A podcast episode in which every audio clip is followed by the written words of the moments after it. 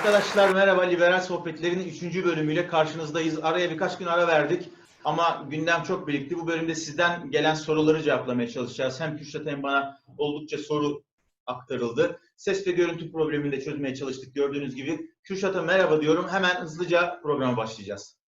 Merhaba, nasılsın? İyiyim abi teşekkür ederim. Sen nasılsın? Ben de iyiyim. Kolay gelsin bakalım işte üçüncü program nasıl olacak? Evet, program gayet iyi gitti. Benim aldığım yorumlar gayet e, olumlu. E, Güzel. ses ve görüntüyü de toparlamaya çalıştık. Sadece bir kamera ekran arasında bir şey olacak böyle. Bazen sana seni görmek istediğim için gözüm kameradan kayıyor. Sen de aynı şeyi yaşayacaksın. Hızlıca dalalım Evet. abi. Benim elimde sorular var. Ben onlardan sorayım. E, üzerinden geçen gündem konuları da oldu ama biz o konuları başka perspektifte yani daha derin, daha nitelikli biçimiyle ele almaya çalışalım. E, dolayısıyla hani konunun magazine, magazine, magazinin, magazin yönüne takılmaya ihtiyacımız yok. Peki abi şöyle bir soru var. Ben bunu çok beğendim. E, me- mevcut biliyorsun iki tane ittifak var. İttifaklar matematiği ve bu matematik içinde liberallerin konumu e, demiş. Ben buradan tabii LDP'yi anlıyorum çünkü e, liberaller çok geniş bir katkı. Yani sen bu ittifaklar matematiğini nasıl değerlendiriyorsun? E, ilişkili bir soru, yeni bir ittifak olasılığı var mı mesela bunu ekleyebilirim ve burada LDP'nin durumu ne olabilir? Ya tabii şimdi e, kısa da cevap vermek istiyorum. Çok da derine girmek istemiyorum ama LDP'nin durumu LDP keşke e, örgütlenme yerine networking ile ilgilense Millet İttifakı'ndan birkaç koltuk alsa. Yani e, şeye bakıyoruz BBP'nin bile bir şekilde Cumhur İttifakı'ndan e, meclise adam soktuğunu düşünürsek e, aynı şekilde LDP'nin de e, yani neticede bir ağırlığı olan, fikir ağırlığı olan bir parti. Oradan bir iki kişiyi meclise sokmuş olmasını isterdik. Liberaller hangi ittifak deyince tabii ki yani ben isterim ki Cumhur İttifakı'nın içinde bir liberaller olsun. Yani Cumhur İttifakı'nı bile bir şekilde liberallerin söyleyeceği bir iki şeyle bir iki iş yaptırabilelim şey, Cumhur İttifakı'na. Ee, bunu isterim. Yani liberallerin dediğim gibi bir partisi var ama e, keşke her parti liberal olsa. Yani burada soruya kısa bir cevap vermek gerekirse son cümle olarak evet Millet İttifakı daha e, uygun. E, hatta ve hatta e, orada bir parti olarak LDP keşke olsa. Ama e, ben liberallerin işte AK Parti'yi de dışlamamadan girebilecek bir liberal varsa ya da orada tutunabilecek bir liberal varsa daha zor. E, orada da olmasını isterim. Tutunabilir mi bilmiyorum. Büyük ihtimal tutunamaz. Ee, tamam güzel. Ben de bir iki bir şey söylemek isterim. Aslında ben soruyu belki biraz da geçtiğimiz günlerde de konuştuk ya seninle. Hani hangi ittifak Liberal Demokrat Parti'yi kabul eder bağlamında e, değerlendirmek Bir de isterim. o var. Bu bağlamda hiçbir parti Liberal Demokrat Parti'yi kabul etmez. Çünkü e, Bu haliyle. yani söylemlere bakıyoruz. Bir kere yani birinci programda konuştuğumuz için rahatlıkla söyleyebiliriz tekrar. Şu bağlamda Liberal Demokrat Parti bir parti gibi görüntü vermiyor. Yani bir sanki birisi veya birkaç kişi var. Onlar bir şeyler söylüyorlar ama o bir parti duruşu yok. Çünkü partinin kurumsallığını veya da kurumsal olarak partiyi temsil eden insanlardan bahsedemiyoruz. Toker konuşuyor. Güzel de konuşuyor tamam mı? İtiraz etmiyorum ama çok negatif, çok sert ve herkesi dışlayan, kendisi dışında hiçbir alternatif bırakmayan ve il- iletişim kapılarının tamamen kapıdan bir iletişim dili var Liberal Demokrat Parti'nin. Dolayısıyla geçtiğimiz günlerde ben bir anket yaptım, kısa bir anket, e, küçük bir anket. Orada ve ins- arkadaşlardan, arkadaşlarımla konuşmalarından anladım. Elbette Millet İttifakı daha yakın görünüyor. Yine birinci programda konuşmuştuk hatırlarsan. E, milletvekili sokabilme ihtimalinin olduğu bir dönem vardı 2015'te özellikle Kasım'da.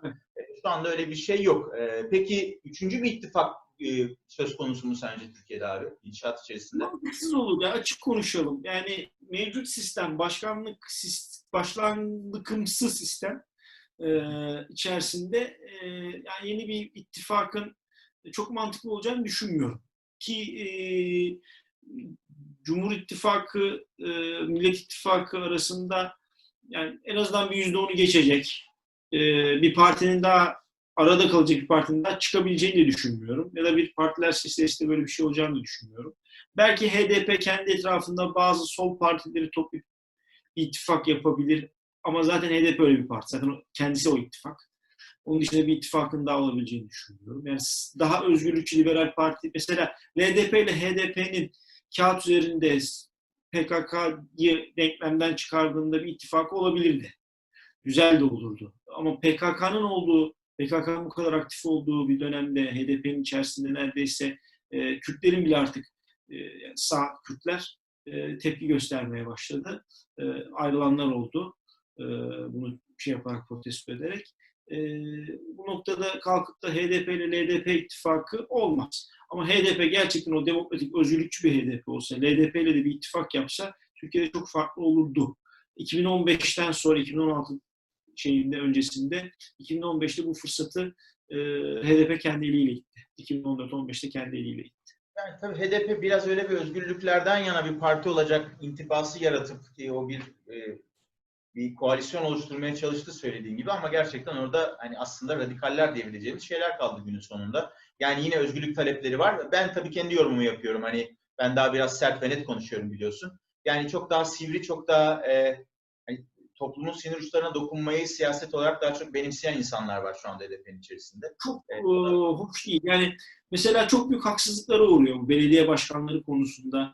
E, gerçekten terörle iç içe olduğu belli olan insanlar illaki vardır. Onların gerçekten aday bile gösterilmemesi lazım. E, bunun zamanında engellenmesi lazım. Terörle bağlantılı olmak çünkü aday olmak için engel. Ama bir şekilde aday gösterilmiş, seçilmiş, halkın iradesi o şekilde yansımış. Ee, eğer terörle bir bağlantısı yoksa bu adamın ispatlanabilecek, belediye başkanlığından alınması bir ihlal. Ama insanlar artık böyle bir noktaya geldi ki PKK bağlantısının bu kadar net ortada olduğu bir noktada e, HDP'yi savunmaktan bile imtina eder hale geldi. Yani birebir seçilmiş bir insanın görevden mahkeme kararıyla belli bir kanıt olmadan, belli bir şey olmadan alındığı noktada, hepsi için demiyorum, belli bir kısmı için diyorum, belli bir kısmı gerçekten net bağlantıları olan kişiler de vardır aralarında. E, bu noktada e, HDP biraz kendine yaptı onu. Yani ben Selahattin Demirtaş'ın bir fırsat olduğunu düşünüyordum. E, ama dik duramadı Abdullah Öcalan'a karşı. E, ve günün sonunda işte geldiğimiz noktada hoş bir durum olmadı. Yani HDP'de şu anda oy kaybediyor. Yani ciddi oy kaybediyor. Aldığı e, Kürt olmayan ya da e, sol Kürt olmayan e, kesimin oylarını yavaş yavaş e, muhafazakar Kürtleri zannedersem AK Parti'ye kaybetti biraz. E, şeyleri de daha özgürlükçü e, Kürtleri de diğer partilere kaybediyor. Sadece radikal PKK'cı Kürtler kalıyor içeride. Bu Türkiye için de kayıp. Sadece HDP için değil, Türkiye için de kayıp. Ya tabii HDP önemli bir fırsattı söylediğin gibi o biraz da yine senin söylediğin gibi kendi kendilerini kendi kendilerine reddettiler yani elleriyle. Fakat ittifaklar matematiği hakkında e, ben de kısa bir şey söylemek isterim. Yani üçüncü bir ittifak bir ara olur gibi oldu. Bence e, yine soruların içinde var. Oraya daha detaylı, oraya geldiğimizde daha detaylı anlatacağım ama peki Muharrem İnce o hareket çıkışıyla, önce parti sonra hareket benzeri bir çıkışla bence böyle bir opsiyon aradı. E, fakat günün sonunda iş e, başka bir noktaya geldi. Onu o soruya geldiğimizde detaylı konuşacağız. E, konuşuruz. E, onunla ilgili bir soru var çünkü. Yani konu magazin bir konu ama artık gündemden biraz çıktı diyelim. E, fakat biz yine dediğim gibi yani meselenin özünü anlamaya çalışan bir yaklaşımda değerlendirebiliriz. Bu soruyu da çok sevdim. Bunu bana gönderen bir arkadaşım. İlk zamanlarda ben partiye katıldığımda çok dalga geçmişti benimle hatta. Ee, soru şu, Türkiye siyasetinde liberal bir partiye ihtiyaç var mı? Ya var birkaç tabii ki yani. Birkaç dakikada cevaplamak zor. Zor. Ee, ben de şimdi kendimi disiplin edeyim diye zaman tutuyorum. Öyle adama bakıyorum.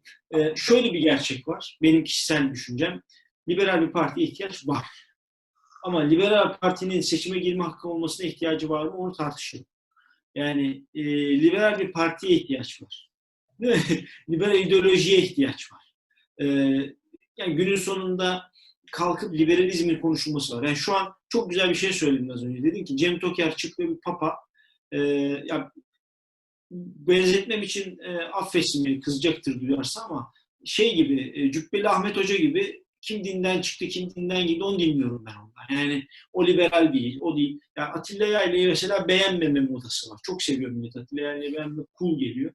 Yani şimdi aferin. Peki peki anladık. Sen neymişsin be abi? Tek liberal sensin. Hadi git şimdi kumda oyna. Tamam mı? Sever o kumda oynamayı. Gitsin kumda oynasın tek başına. Liberalizm, liberal kareler yapsın. Ondan sonra mutlu mesut olsun orada. Sonuç, sonuç ne? TV5'te çıkıyor, sürekli yorum yapıyor. Arada birkaç kanala daha çıkıyor bu. E bununla tatmin olacaksak, bununla tatmin olacaksak bununla tatmin olalım ama Liberal Parti böyle olacaksa olmasın. Burada tam yani tam da şey bağlamında bir araya girmek istiyorum abi. Sözünü kestim kusura bakma. Belki bir programda gerçekten yani e, bütün artılarıyla eksileriyle Türk siyasetine girdiği andan itibaren hatta belki LDP Genel Başkanı olduğu andan itibaren bir Cem Toker'i konuşmakta fayda var. Hatta belki yani parantezin içine ya da programda başka bir paragraf olarak ki bu da değerlendirebiliriz ama şimdi Toker'in aslında e, pek çok bağlamda çok bunu 2015'te 2016'da söyleyebilecek durumda değildim. Yani e, ben de siyasetin acemisiydim, yeni yeni öğreniyordum falan. E, Tabii, deneyim zamanla oluyor. Çok İlişki e, deneyim. Türkiye siyasetinde liberalizmin algılanmasına çok zarar verdiğini idrak etmeye başladım abi. Bir süredir. Evet. Yani hem evet. bir takım insanlara e, fikri, liberalizm fikri, liberalizm öğretisini çok başarılı anlatan bir model, bir figür aslında. Yani bir öğretmen, bir akademisyen, bir anlatıcı olarak çok iyi ama insanları birlikte siyaset yapmak konusunda, ikna etmek konusunda son derece zayıf. O da tam olarak yine birinci programda konuştuğumuz zaaflarından kaynaklanıyor. Ee, Türk siyasetinde liberal partiye ihtiyaç var mı sorusuna kısa bir cevap vermeme izin verirsen sen tabii devam et tekrar söyleyeceğin sözler varsa. Ee, yani elbette elbette ihtiyaç var. Ee, ama bence e, yani bir yerde bir tane bir kale gibi bak uzakta bile olsa evet orası liberal bir parti, liberal bir okul, liberal bir kurum diyebileceğimiz çok kurumsal duran, dışarıdan hatta belki çok profesyonel bir sivil toplum kuruluşu gibi görünen insanlar yetiştirip, siyasetçiler yetiştirip o siyasetçileri başka partilerin içerisine sokmayı başaran, sokmayı hedefleyerek başaran bir liberal partiye ihtiyaç var. Şimdi tam aksine insanları yetiştirip onları e, ya küskün biçimde ayrılmaya ya da ayrılırsam adım haine çıkar noktasında kalmaya zorlayan bir hareket var şu anda. O yüzden bence bu hal, yani Liberal Demokrat Parti'nin bu haliyle bir liberal partiye ihtiyaç yok Türkiye'de. Yok. Yani bir de yani çok acı bir şey söyledin. E, haine çıkar. Yani bir liberal bir örgüt, bir organizasyonda birilerinin adının hain olabiliyor olması. Aynı abi mesela. Yani bireyi de, bireyi de organizasyona bağlılık temelinde bir yaklaşım olması bile acı. Yani bugün yayının kaydedildiği gün itibariyle bir arkadaşımla yine aynı bir şey oldu. Bir liste yollamış bana Twitter'dan. E, bu arada şeyi söyleyeyim yani kayıtlara da geçsin. Ben partiye hitaben bir öneride bulundum. Dedim ki e, Kariye Müzesi camiye çevrildi biliyorsun. Bakın Kariye çok önemli bir yer. Yani Ayasofya'nın sembolik değerini anlayabiliyorum ama Kariye bir kültür e, mirası. Dolayısıyla Aynen. Cumhurbaşkanı'nın bu kararı gözden geçirmesini talep eden bir mektup yazalım parti olarak. Ben bunu kaleme alayım ya da birlikte kaleme alayım ve bunu parti yollasın. Yani ben Arda olarak da yollarım da kim bilir nerede 10 sene sonra mı okur ama parti olarak bir şansımız var. Üç gün oldu. Buna insanlar en azından bir olumlu olumsuz yani olumsuz da olsa bir cevap verir değil mi? E, hiçbir cevap yok. E, anlıyorum ki hani artık bizle hiç iletişim kurmak istemiyorlar. Ya da iletişim kuracak kimse yok bizde. Yani Öyle yani ya da ne, ne söyleyeceklerini bilemiyor olabilirler. Ha, şöyle, gerçekten sana şunu söyleyeyim. Yani LDP'ye çok vakit ayırmaya da gerek yok ama e, şunu söyleyeyim. E, LDP çok büyük bir e, israf noktasına geldi. Yani artık bir emek israfı noktasına geldi. Çünkü e, ciddi bir e, parti olabilecekken, ciddi bir ilgi odağı olabilecekken. Ya mesela yıllar evvel bir ÖDP vardı. Hatırlarsın. Yani evet. Ufkuras. Ee, yani Ufkuras'ın şahsı dışında ÖDP kurum olarak ciddiye alınan bir kurumdu. Yok hani ilk, ilk o dönemki genel başkan olduğu için öyle hatırlıyorlar insanlar ya o yüzden onu söyledim. Kuras da hatırlanıyor ama yani günün sonunda bir şeydi, bir ağırlığı vardı. Ya da bugün e, Büyük Birlik Partisi'ni gene şey alalım, az önce söyledik ama yani milliyetçiler arasında MHP ve BDP, pardon BBP e, milliyetçilik ideolojisi anlamında, şey olarak demiyorum, parti anlamında demiyorum, milliyetçilik ideolojisi anlamında sözü eş olarak dinlenebilecek. Yani biri meclise giriyor, tek başına giriyor, çok geniş bir örgüt ağı var, e, sayacak.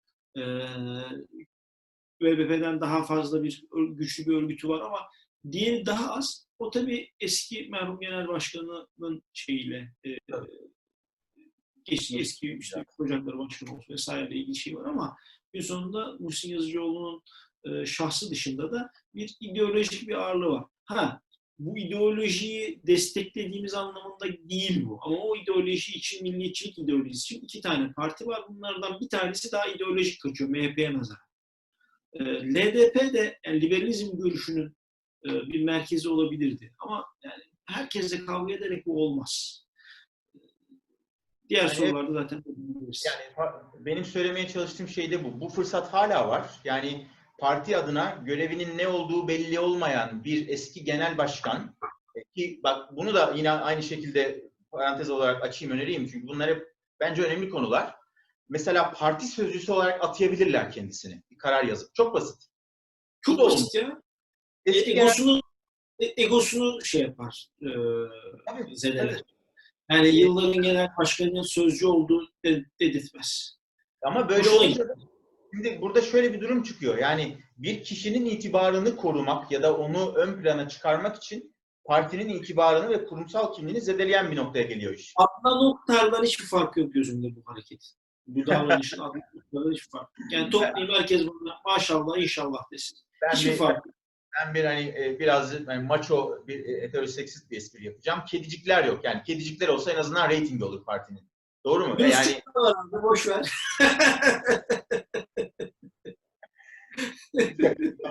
Peki abi bir sonraki soruya geçelim. İlk anlam bugüne Türkiye'de liberaller kendilerini doğru olarak ifade edebildiler mi? Aslında konuştuğumuz şeyler bağlamında birazcık bir soru bu ama bence bu da güzel bir soru. Bireysel olarak değişir. Mesela e, Burak Hoca çok güzel ifade ediyor kendini ve ben gerçekten birlikte büyüdük. Yani bu camianın içinde birlikte büyüdük. Ee, o akademide kaldı, akademiyi seçti ve başarılı olduğuna inanıyorum. Ee, uyuştuğumuz, uyuşmadığımız noktalar vardır ama mesela bence liberalizmi güzel temsil ediyor. Dışarıdan baktığın zaman yani inşallah e, zaten sözü var. E, ama yani şunu söyleyeyim ben gerçekten katılmadığım şeyler illaki vardır. İlla otursak uyuşmadığımız noktaları çıkarırız. Ama işte Toker'den farklı olarak uyuşmadığımız değil, uçtuğumuz noktalara bakmak lazım. Ben çok seviyorum. Ya da e, Atilla Yayla'nın örneği var. Atilla Yayla bir love mark ya da hate mark oluyor. Ama Atilla Yayla'nın liberalizme katkısını şey yapamayız. Yani yatsıyamayız. E, işte belirli isimler, böyle belirli belirli isimler var. E, Bu isimlerin hepsi belli bir noktada liberalizmin farklı bir yüzü olduğunu, yani liberalizmin herkese hitap edebilecek bir şeyi var. E, Bakış açısı var olaylara. Bugün bir sağcı içinde, bir solcu içinde özgürlükler anlamında kendine yakın bulabileceği liberal yüzler var. Bu bence güzel. Ya ÖAD bana onunla ilgili bir soru geldi. Yani ÖAD ve LDT ayrımı ile ilgili çok gıybet olduğu için girmiyorum. Yani nasıl ayrıldılar, nasıl oldu, nasıl bitti kısmına girmiyorum. Ee, ama şu bir gerçek. ÖAD'de e, yani Özgürlük Araştırma Derneği de Liberal Düşünce Topluluğu da e, iki ayrı kesimi temelde e, özgürlükler anlamında liberalizme konsolide edebilecek bir noktada ve bunları hep kalkıp belli bir noktaya getirebilecek bir noktada. O yüzden ben liberalizmin imajının, liberalizmin imajının, liberalizmin e, temsilinin, dışarıdan görünüşünün en azından 2000 yılına göre daha iyi olduğunu düşünüyorum. Yani o benim ilk LDP'nin içinde liberalizmi çekmem 1999. Yani liberalizm 1999'dan beri en tatlı dönemini yaşıyor bence. İnsanların e, insanlar kendine enkep demeye başladı. Ben enkebim dediğimde o ne diyorlardı. Yani şimdi bir anarko-kapitalizm diye bir şey başladı. Yani bizim e, zamanında söylediğimizde dur daha bakalım liberalizmi anlamamış millet. Şimdi böyle yeni yeni gençler çıkıyor ben de anarko-kapitalist. Yani işte profil bayrağını e, bu yılanlı liberal e, şey liberteryan bayrağı yapıyor arkadaşlar. Bu noktada Güzel biraz başka bir şey söyleyeceğim Kürşat. Yani söylediklerin bir perspektifi haklı fakat ben senin söylediklerin etrafından dolaşarak diyeceğim. E, çünkü söylediğin yani her şeyi de söyleyeyim tabii. Ben yani liberalizmi anlamak, liberalizm tecrübesi edinmek konusunda sizlerden çok daha sonrayım. Yani 2015'te partiye katıldım ama yani o zaman çok fragman fikirlerle ilerliyordum aslına bakarsan. Yani bugünkü Z kuşağının ilgisini çeken şeyler benim ilgimi çektiği için ve partinin söylemiyle onlar örtüştüğü için kendimi orada buldum ama sonra kuramsal okumalar yapmak, işte sizleri tanımak, Burak Hoca'yı takip etmek, ilgili özellikle yurt dışına bakmak falan gibi e, literatür okumak gibi şeyler e, yapmaya başladım. Şimdi bence söylediğin şey de e, örtüşen ama başka türlü değerlendirmesi gereken bir husus var. Liberalizmin, yani Türkiye'deki algılandığı kadarıyla diyelim, liberalizmin talepleriyle Z kuşağının ya da onun bir öncesi kuşağın, yani kendini hala genç olarak ifade eden kuşakların talepleri benzer, hatta birebir örtüşüyor. Yani o insanlar kendilerini liberal olarak tarif etmeden önce ya da liberalizmin ne olduğunu bilmiyor olsalar bile aşağı yukarı aynı şeyi söylerler. Yani televizyonda liberalizmin taleplerini anlatan birini veya YouTube'da birini gördüklerinde aa evet ya bak aynı benim düşündüğüm gibi düşünüyor derler insanlar. Dolayısıyla bu aslında liberalizmin iyi temsil edildiği anlamına gelmiyor da biraz belki fikrin zamanının, vaktinin geldiğini gösteriyor ama eğer liberalizmin bir e, vakti, vakti gelmiş bir fikirse Türkiye'de potansiyel çok doğru kullanılmıyor henüz diye yorumluyorum ben. E, kullanılmıyor ama yani e, ya şunu söyleyeyim sana sen daha iyi anlayacaksın. Biz şeyi ilk kurduğumuzda yani genç Yunuslardan çıkıp işte Liberal Gençlik Derneği tabii adı Liberal Gençlik Derneği değildi de yani ilk bir liberal gençlik oluşumu oluşturmaya çalıştığımızda Ankara'da Liget vardı. İstanbul'da da işte Liberal Ofis diye bir şey kurduk. Ondan sonra Genç Liberaller, Liberal Ofis öyle bir şey kurduk. Sonra ona işte üç ay oldu o. Ee, ben Üçey'in ilk kurucu başkanıyım. Ee, kadın üye bir kişi vardı. Şimdi genç kızları görüyorum. Yani şu an Üçey'in başkanı bir kadın. Ee, liberalizmin mesela kadınlar arasında bir liberal feminizmden bahsediliyor. Liberalizmin birçok farklı fraksiyonun temsilcisi insanlar var. Liberaller birbirini liberal olmamakla değil de liberalizmin bazı bakış açılarını anlayıp anlayamamakla suçlar hale geldi. Ne kadar yanlış olsa da böyle bir liberal, az liberal olmak suçmak falan ama bunlar güzel şeyler. E, bu noktaya gelebiliyor olması bence güzel. E, şeyden dolayı diyorum bu. Kötü günleri gördüğüm için bu da çok iyi değil. Ama daha kötüsünü gördüğüm için bu progres dediğin gibi ama dünya belli bir noktaya geliyor. Yani e, olduğun yerde bile dursan etrafında değişen dünya seni bir şekilde e, buna zorluyor olabilir bilmiyorum. Ya da insanlar daha ben ben çok zor ulaşıyorum liberal kaynak okumak istediğimde. Şimdi e, ben 16 yaşında liberalizme tanışıp işte LDP üye olmak için gitmiştim. Üye olamıyordum o zamanlar. Gençlik kollarına da şey yapamıyorsun, illegal gidiyorsun.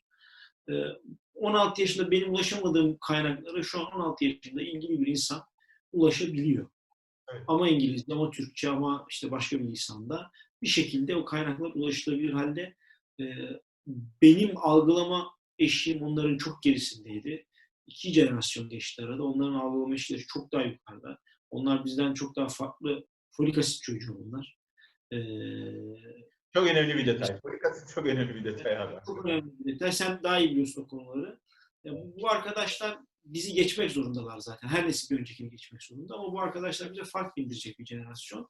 E, algılayamıyoruz. Normlarımız çok farklı olduğu için çok eleştiriyoruz. Ama onlar bizim yaşlarımıza geldiğinde çok daha farklı bir dünya olacak. Valla umarım haklı çıkan sen olursun Kürşat. Bu konuyu daha fazla deşmeden bir sonraki soruya geçeyim. Çünkü zamanı daha idareli kullanmaya çalıştık ya bugün. Aynen. Şu anda 20 dakika biraz geç.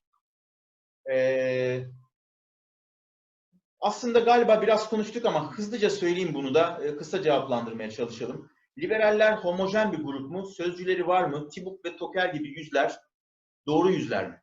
Demiş. Değil. Değil. Yani Tibuk doğru bir yüz. Toker değil. yani Tibuk, şimdi şöyle bir şey var. Ben Tibuk konusunda objektif olamam. Ben onu açık konuşayım. Yani e, ben çok özür dilerim abi. Sen sen tamamla çünkü ben Tibuk'u hiç tanımıyorum. E, hep bana benim için bir geçmiş. Dolayısıyla ben daha rahat konuşacağım. Sen devam et lütfen.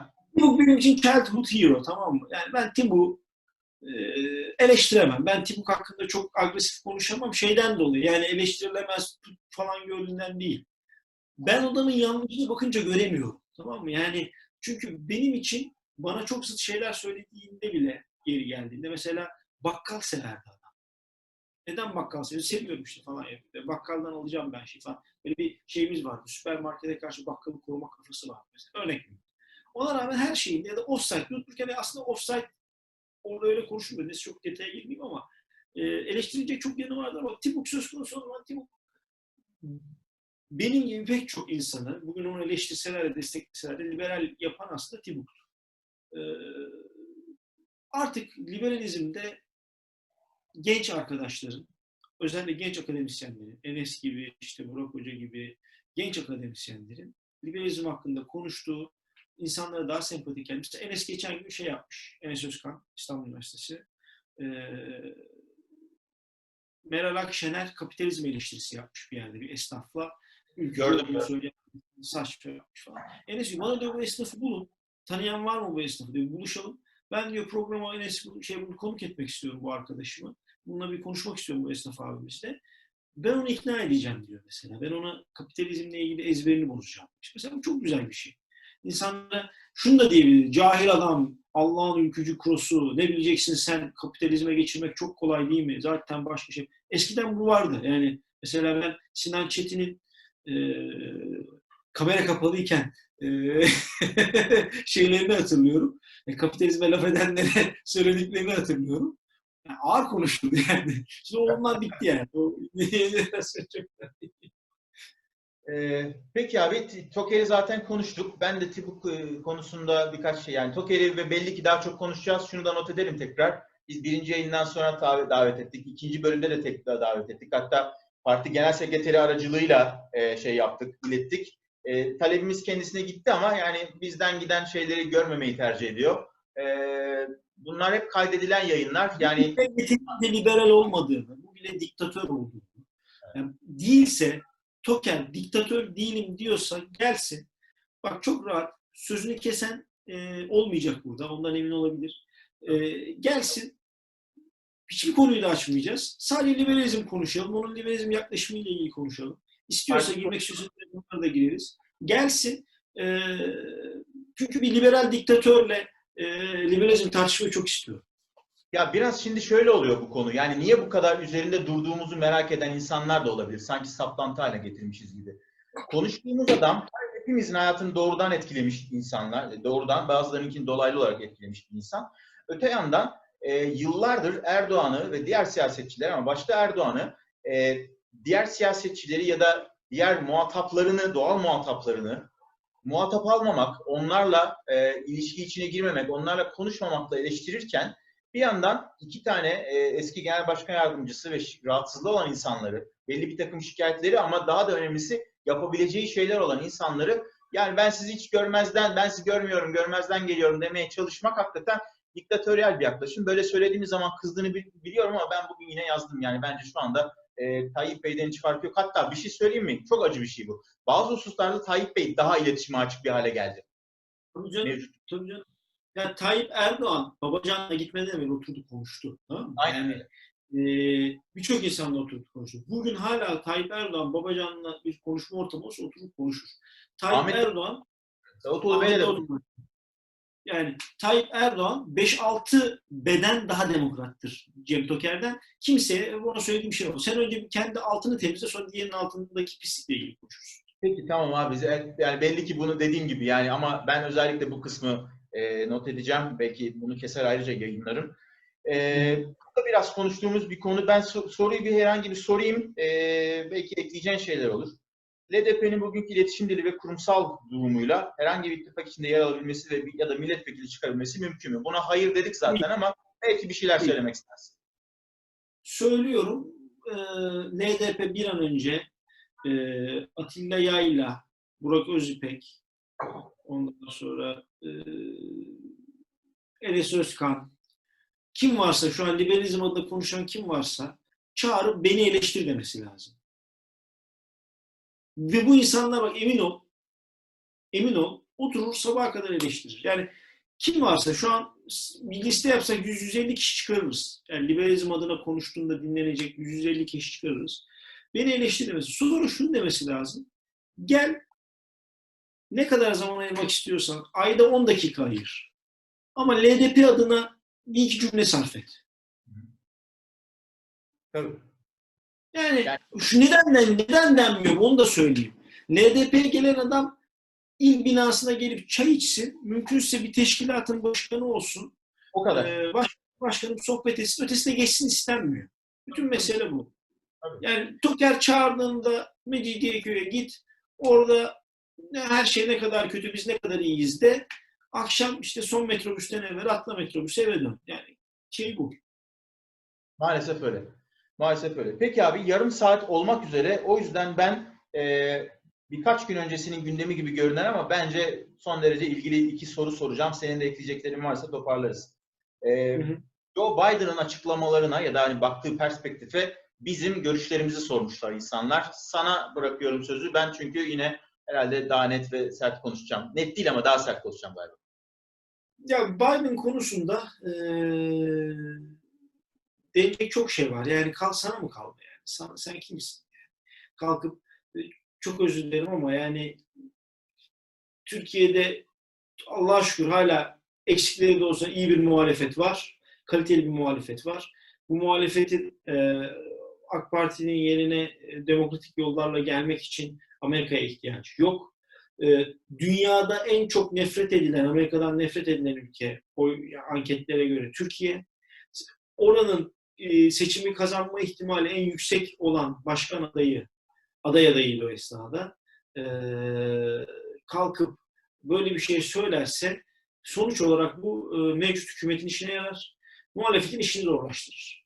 Yani e, ne amacına ulaşabilecek bir şey, ne başka bir şey var. Erdoğan'ı tabii ki anlıyorum, sevmemelerini anlıyorum. Amerika daha çok e, iletişim kurabileceği insanları sever. Mesela Trump çok seviyor. Niye seviyor? Çünkü Erdoğan'la iyi iletişim kurabiliyor. Çok benziyorlar. Ee, çok benziyorlar, aşırı benziyorlar. İşte Baltan'ın T24'teki röportajını, Kaan yaptığı röportajı dinlemişsindir. Gerçekten çok güzel bir röportaj oldu. Ee, mesela orada da anlattı. Biden'ın meselesi şu. Evet, AK Parti gidecekse zaten demokratik yollarla gitmesi lazım. Çok komik bir şey oluyor. AK Parti şey diyor. Bir şey vardı. E, adamcağızın ismini unuttum. Demokratik şey, seçim yoluyla Erdoğan'ı yıkmaya çalışıyorlar diyor. Yani neyle yani neyle Erdoğan neyle gidecek? Seçimle gidecek tabii. Demokrasi bu. Değil miydi yani şu anda ihraç edilen MHP milletvekili değil miydi o? Yok ya şey e, Erdoğan'ın eski e, şoförü adamcağızın adını unuttum. Ve- Vekil şu anda. Vekil vekil vekil. Tamam. Hamzum Ne- Şavalop. Evet, anlayan, insan. anlayan anladı, anlayan anladı tamam. Yani e, ben şimdi tabii sert şeyler söyleyeceğim dedim ama aslında biraz bizim muhalefete sert şeyler söyleyeceğim. Çok fazla konuşulmayan hususlardan. Yani Biden'ın söylediği şeylerin doğru olmadığı konusunda yani üsluba uygun olmadığı, uygun üslupta olmadığı konusunda hep fikiriz. Bunlar hiç tartışılacak bir yanı yok. Fakat birincisi adam zaten başkan aday adayıydı o esnada ve e, geri gerideki bir aday. Yani çok kuvvetli olmayan bir adaydı. O aslında e, Türkiye'ye değil Amerikan iç politikasına yapılmış bir açıklama. Tıpkı bizim burada e, Suriye'nin içlerine karışmıyoruz deyip bir başka rejimi desteklemek ya da Libya'da bir takım şeyler konusunda konuşmamıza benzeyen bir şey aslında. Fakat tabii ki hiçbir şekilde anlamlı bulunamaz, haklı bulunamaz. Fakat ben bir şey söyleyeceğim. Bu röportaj Aralık ayında yapılmış, Ocak ayında yayınlanmış. Tek bir soru soruyorum. Buna benzer çok soru sorulabilir ama Cumhuriyet Halk Partisi'nin Amerika'da ayda 6 bin dolar ödediği bir temsilcisi var. Bu vatandaş mu? Net, net mi gross mu? net mi gross mu? e, net. Hadi canım. E, yani bak bu Bir şey yapmamak için iyi para. Sen bir şey Amerika'dasın, ofis kiran ödeniyor filan. Neyse geyiği bir kenara bırakalım da abi. Yani şunu sorması lazım insanların. Ya e, bu partilerin e, tabii şeyin de var, AKP'nin de var bir temsilcisi orada. Ya bu gerçekleştiği zaman bak büyükelçileri falan saymıyorum bile ki onun birinci işidir orada. Basın ateşesi var. Takip eder, Türkçe'ye çevirir e, ve, ve baş özür dilerim Cumhurbaşkanlığına tabii eski alışkanlıklar başbakanlık bitti. Cumhurbaşkanlığına yollar. Burada paylaşır. Peki iktidar bunu yapmadı diyelim. Ya, yaptı ya da asır altı etti. Ya bu adam ne yapıyor orada arkadaş? Yani hiç mi bir rapor yollamadınız? siz? Yani şöyle düşünsene. Bu, bu, te- bu şey gelişmiş çok özür dilerim abi. Bu olay gerçekleşmiş. Wall Street Journal'da yayınlanmıştı değil mi bu röportaj? Evet, yani e, şey New York Times mı? Wall Street Journal. New York Times. New York Times. New York Times galiba. Neyse fark etmez. Yani e, gözden kaçacak bir şey değil bu. Ve Amerika'da Yani- çalışıyorsan eğer bir siyasi partinin temsilcisi olarak, Türkiye'deki bir siyasi partinin temsilcisi olarak başkan adaylarının ne söylediğini takip edersin. Çünkü Türkiye öyle veya böyle gündemin bir konusu olur. Bir tek bunu sorayım ben insanlara şimdi akıllarda kalacak soru olarak. Çok zor. Yani ben sana şunu söyleyeyim. Ee, muhalefet eğer akıllı olsaydı çoktan bir e, yani 2014 işte 2015 e, seçimlerinde biz bir değişim görmüştük. Yani Kasım'da kalmamıştı ya da Kasım'da e, daha farklı bir Türkiye ile geçmiştik. Yani e, muhalefet maalesef ya galiba için içinde hoşuna gitti biliyor musun? Yani birilerinin için hoşuna gitti bu şey. Ya çünkü bi- biz seviyoruz. Ee, birisi gelsin bizi kurtarsın. Hadi gel kurtar beni var ya Pinan'ın şarkısında geçiyor. Hadi gel kurtar beni. Biz istiyoruz birisi gelsin beni kurtarsın. Ben hiçbir şey yapmayayım ya. Elimi uzatayım sadece birisi çeksin işte. Ee, Mesih gelecek bizi kurtaracak. Sinemada Evet. buna aktörlükte ve sinemada biz ona Deus Ex Machina diyoruz abi. Olaylar kilitlenir. Artık insan yeteneğinin çözemeyeceği bir nokta olur. Bir yerden bir melek gelir. kötüleri öldürür, iyilere ömür verir ve so- sorun çözülür. Biz hakikaten seviyoruz bu yaklaşımı. Ya Orhan Velikan'ın güzel bir şiiri var. Ben şiir okumakta çok iyi değilim. Ama şeyi söylüyor yani Allah var mı yok mu bilmem ama diyor. Yani olmasını istemem, ister miyim bilmiyorum ama diyor. Ben ondan diyor şey isterim diyor. Benimle uğraş neydi? Şiiri de unuttuk. Neyse. Aa, dur. Bu şiiri, şiiri unuttum ya.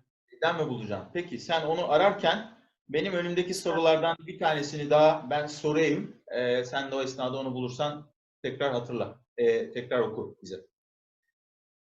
Tabii yayını birkaç gün geç yaptığımız için yine e, sanki gündemde olmayan bir konuya ilişkin bir soru soruyormuşum gibi olacak ama şöyle sormuşlar. İnce ne yapmaya çalışıyoruz?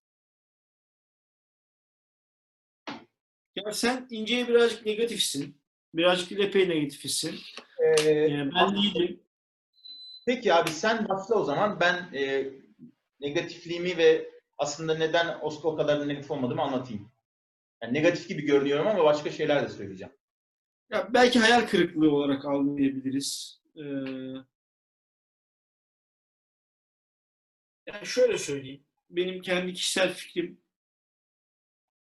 Hı, şey orada şiirde buldum. Ee, Yani- yani İnce'yle zaman. ilgili şey var. İnce'nin şiiri okuyayım mı? Tabii tabii şiiri oku. Allah varsa eğer, bak çok çok güzel. Allah varsa eğer başka bir şey istemem ondan. Bununla beraber istemem ne Allah'ın olmasını ne de işimin Allah'a kalmasını. Ee, güzel şiir. Ee, şimdi net konuşalım. Muharrem İnce e, Türkiye'de sol cenahtan sağ cenah yani sol cenahtan olup da sağ cenahtan oy alabilecek bence tek isim. Yani karşı apartmana seslenip insanları pencereye çıkartabilecek yegane adam. Bunda hemfikiriz. Yegane. İkinci yok. Yani Muharrem İnce'nin ikincisi var da şu an çıkamaz. Kim var? Mesela İstanbul Büyükşehir Belediye Başkanı Ekrem Bey. Ee, Bence bir programda İmamoğlu'nu konuşalım. Ne kadar büyük yanlışlar yaptığından başlayarak. Yani doğrusu yanlışı tartışılır. Ee, doğrusu da var, yanlış da var ama mesela İmamoğlu, Ekrem İmamoğlu bir alternatif. Mansur Yavaş bir alternatif ama Mansur Yavaş'ın tabii ki MHP kökenli olduğu için birazcık şeyi var ama Ekrem İmamoğlu her ne kadar ailesi ANAP'lı olsa da CHP'de siyasete başlamış ve CHP'de siyaset yapmış bir iş adamı günün sonunda baktığında. Yani onun şu anda belediye başkanlığını bırakıyor olması demek İstanbul'da büyük bir kayıp. Çünkü belediye meclisi CHP'de değil. Ankara hakeza. Ankara keza öyle ki Mansur Yavaş'ın ben gelecek seçimde belediye meclisi konusunda da insanların e, atıyorum işte e, yeni mahallede AK Parti'ye verirken belediye başkanlığı belediye meclisinde CHP'ye vermesine sebebi vereceğini düşünüyorum. Evet. Böyle bir Tamam. şeyim var. Yani bunu, bunu sağlayacak. E, İkinci- Ekrem Bey'in Çok, ikinci döneminde çok büyük çoğunlukla meclisi dağılır Mansur Bey. gibi geliyor bana. Ee, ama bunu yapabilecek ama aday olabilecek tek insan Muharrem İnce. Muharrem İnce şunu yaptı. Diyor ki Muharrem İnce, ben diyor CHP'nin adayının e, sağ bir aday olmasını istemiyorum diyor. Ki bu CHP'nin tabanında da bir kabul gören bir önemli. İkincisi diyor ki ben diyor adayım diyor.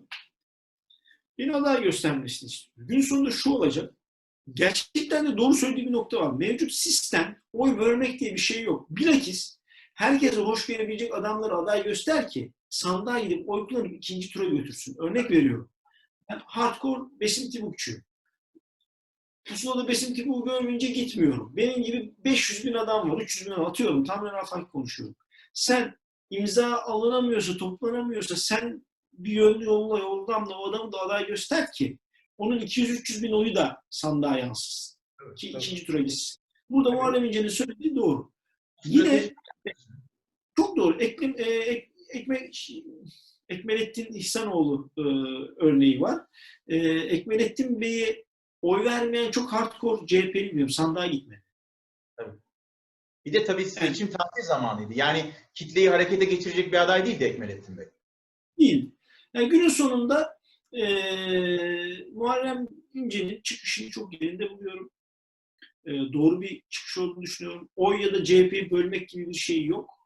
e, kişisel ihtiras var mı? Ben öyle bir şey düşünmüyorum ama her politikacının günün sonunda başı oynayan her politikacının bir e, şey vardır. E, egosu vardır. Onun egosu da o kadar yani. Ama ben yerinde güzel bir çıkış olarak görüyorum. Ben aslında Muharrem İnce'nin yaptığı şeyin adını koymaya çalışırsam e, birkaç isim koyulabilir ama birincisi e, yaptığı iletişim hatasını telafi etmeye dönük bir girişim olduğunu düşünüyorum. Yani bunu şöyle e, gerekçelendirebilirim, şöyle izah edebilirim. Eğer Muharrem Bey o gece konuşmamış olabilirdi fakat ertesi gün çıkıp bu yaptığı şeye talip olduğunu söyleseydi şu anda zaten CHP'nin genel başkanıydı kaçınılmaz olarak. Yani o orada aslında insanların hayallerini kırmaktan ziyade o kadar büyük bir iletişim hatası yaptı ki sen de yani iletişimden de anlayan birisin. Ben de biraz anladım anladığım iddiasındayım. Yani stratejik olarak çok büyük bir şey yaptığı için aslında şu anda yaptığı şeyin stratejik olarak iyi olduğunu görmemizi engelliyor Muharrem Bey bir yanıyla. Ben başlarda biraz negatiftim, katılıyorum sana.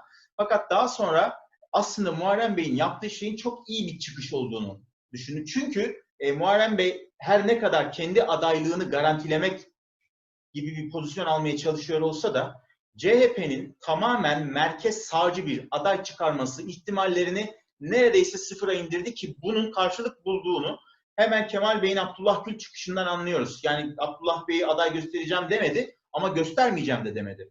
Fakat e, Kemal Bey bağlamında belki bir şey söylemek gerekirse bunu parantez olarak Kemal Bey Muharrem Bey'den farklı olarak şöyle bir şey yapmaya çalışıyor ve o yüzden eğer kazanan olabilirse tek kazanan olabilecek. Yani ve Türkiye'nin geleceğini kurtaran bir açılım yaratmak bağlamında. Herkesin etrafında toparlanıp birbirine laf çakmadan tatlı tatlı konuşup memleket için araştırabileceği, paylaşabileceği ve projeler, teoriler üretebileceği bir masa kurmaya çalışıyor Kemal Bey.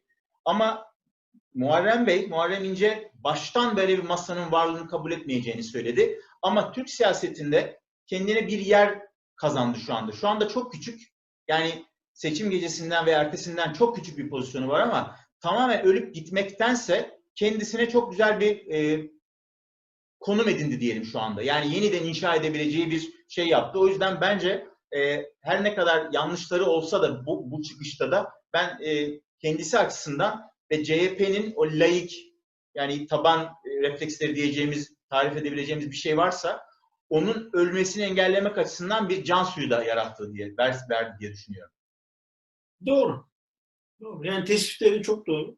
Katılıyorum hepsine. Ee, iletişim hatası çok ciddi bir iletişim hatası var. Ee, bir de şu da var. İmamoğlu'nun ilk seçim akşamı üstün, insanüstü bir performansı e, daha da İnce'nin e, sorgulanmasına sebebiyet verdi. Yani o bak kulağımda birkaç böyle iletişim anlamında çok güzel sloganlar var. Hak yemem, hakkımı yedirmem. Gençliğimiz var mesela şey akşamı, istek evet. kolları gençliğimiz var demesi mesela. Yani bu e, iletişimi çok iyi kullanıyor İmamoğlu. E, Sayın İnce'nin de ben çünkü ekibinden de arkadaşlarım var. Benim kız seçim zamanı iki yaşında mıydı? Tabii. E, Muharrem İnce'nin şarkısını falan söyleyip böyle şey yapar, e, hardcore Muharrem İnce şeyi vardı onu. Çok sever, hala seviyor Kereta. E, Muharrem İnce'nin e, seçim dönemi konuşmaları beni çok yakaladı abi. Bak ben ilk aday açıklandığında kim ya bu Allah'ın Kemalist'in aday gösteriyorlar böyle radikal Kemalist herifler falan derken kendimi ben de ya bir şey yakaladı dedim. Ya bu adam gerçekten söyledikleriyle beni yakalıyor dedim. Ee, ama günün sonunda mesela şu anki durumda şunu söyleyeyim. Babacan var, İnce var, e, Gül var. Ee, Erdoğan var, adaylar, major adaylar. İşte Meral Akşener var. Şimdi bu adaylar içinde bana birine e, oy ver şu an Babacan'a veriyorum. Peki abi, e, 45 dakikaya doğru gidiyor. Yavaş yavaş toparlayalım. Ben şeyi hatırladım. Tibuk'la ilgili bir şey söyleyecektim. O, o arada kaynadı. Şimdilik tek bir şey söyleyeceğim. Bir başka inşallah ilerleyen programlardan birinde Besim Bey'i konuk alabiliriz. Besim Bey, liberalizmi Türkiye'de karikatürleştirdiği için kötü bir figür. Yani bir takım fikirleri, fikirleri yaygınlaştırdı ama magazinleştirdiği ve karikatürleştirdiği için bir kavram dolaşıma ilk kez girdiğinde karikatür ya da magazin olarak girerse o kavramın negatif e, dokularını diyelim temizlemek çok zaman alıyor. Bence şu anda belki partinin yaşadığı sıkıntılardan biri de o. Yani aklıma geldi unutmayayım istedim. E, sende başka soru ya da eklemek istediğin şeyler var mı? Bu hafta biraz kısa tutalım. Bundan sonra Ama biz 5 dakika kuralı koyduk kendimize. O kuralı çok aşmayalım. Çünkü Evet. bende de var birkaç şey ama onları da zamanla konuşuruz şey oldukça. Ben sadece bu programın bitişinde bardakla birlikte Besim Bey'e selam çakmak istiyorum. benden de Ee, aynen abi. Bakın bu bardağı üretiyorsanız diye ya da bu bar bardakla her şeyin önüne verilir. Ee, Besim Bey'e su kadehimi, bu suyu Besim Bey'in şerefine kaldırıyorum. Ee, onu Evet. çok seviyorum. Ee, dediklerinde haklı olabilirsin. Yani Besim Bey özelinden çıkıp böyle bir siyaset bilimci olarak şey yapsak mesela sana katılabilirim ama dediğim gibi benim için Besim Türk ve Atilla Yayla bu ikisi e, benim için önemli isimler. Ben o ikisini de çok seviyorum. İkisinin de bendeki yeri çok farklı. Ee, herhalde kolay kolay der putlaştırmak olarak algılamayın. Aşırı sevmek. Yani ben e, Tanrı gibi böyle çok dokunmaz ama ben onu o kadar çok seviyorum ki. O ikisinin bende yeri çok farklı. Ben onları eleştiremiyorum. Tabii fazla sevgi her zaman e, Kör, kör yapar. Bunu söyleyeyim. Evet, bir takım dokunulmaz alanlar yaratıyor. Yani birini çok sevmekle çok nefret etmek arasında o yüzden çok fark olmadığı söylenir ya. Ben tamamen katılıyorum. Ee, anlıyorum. Senle bu konuşması yaparsak çok şey bir noktaya gidemeyeceğiz. Ee, sağlıklı bir noktaya gidemeyiz ama benim ümitlerimden bir tanesi bir, bir gün bu programda şu ikimizin arasında Besim Bey'i görmek. Yani ona çünkü gerçi bizi konuşturmaz ondan çok eminim ama olsun. Ee, Ben zaten onun yanında konuşmam. Ya. bir bu gün- kadar yani. Aynen aynen aynen. konuşmam dinleyelim. Ya muhteşem sana bir şey söyleyeyim mi? Bilmiyorum sen hiç birebir sohbet etme şansı yakaladın mı? Yok maalesef maalesef. Ya unutursun zamanı unutursun ya yanında. O kadar da zevkli ki onunla konuşmak. Unutursun zamanı yani. Çok Ya tabii. farklı. Peki tahmin edebiliyorum. Yani özellikle böyle e, uzaktan mesafe, uzak mesafeli bir yayında onu kontrol edebilmek çok zor olur ki kaldı ki yüz yüze de de mümkün değil. O alır gider. E, fakat hani ben muhtemelen sözünü çok, çok sinirlenir. Peki arkadaşlar bu hafta dediğimiz gibi 45 dakika sınırı koymaya çalıştık. Çünkü kendimizi de disiplin etmek istiyoruz. E, ilk iki bölümde yavaş yavaş daha çok izleniyor. Onun da farkındayız. Bize ulaştırdığınız sorular için teşekkür ediyoruz. Bundan sonraki programlarda da böyle şeyler yapabiliriz. Bir sonraki programda ne konuşacağımızı henüz bilmiyoruz. Bir takım konuk adaylarımız var ama Kürşat'a ulaşın, bana ulaşın. Liberal Sohbetler'in 3. bölümünü seyrettiniz. Hepinize çok teşekkür ediyoruz arkadaşlar.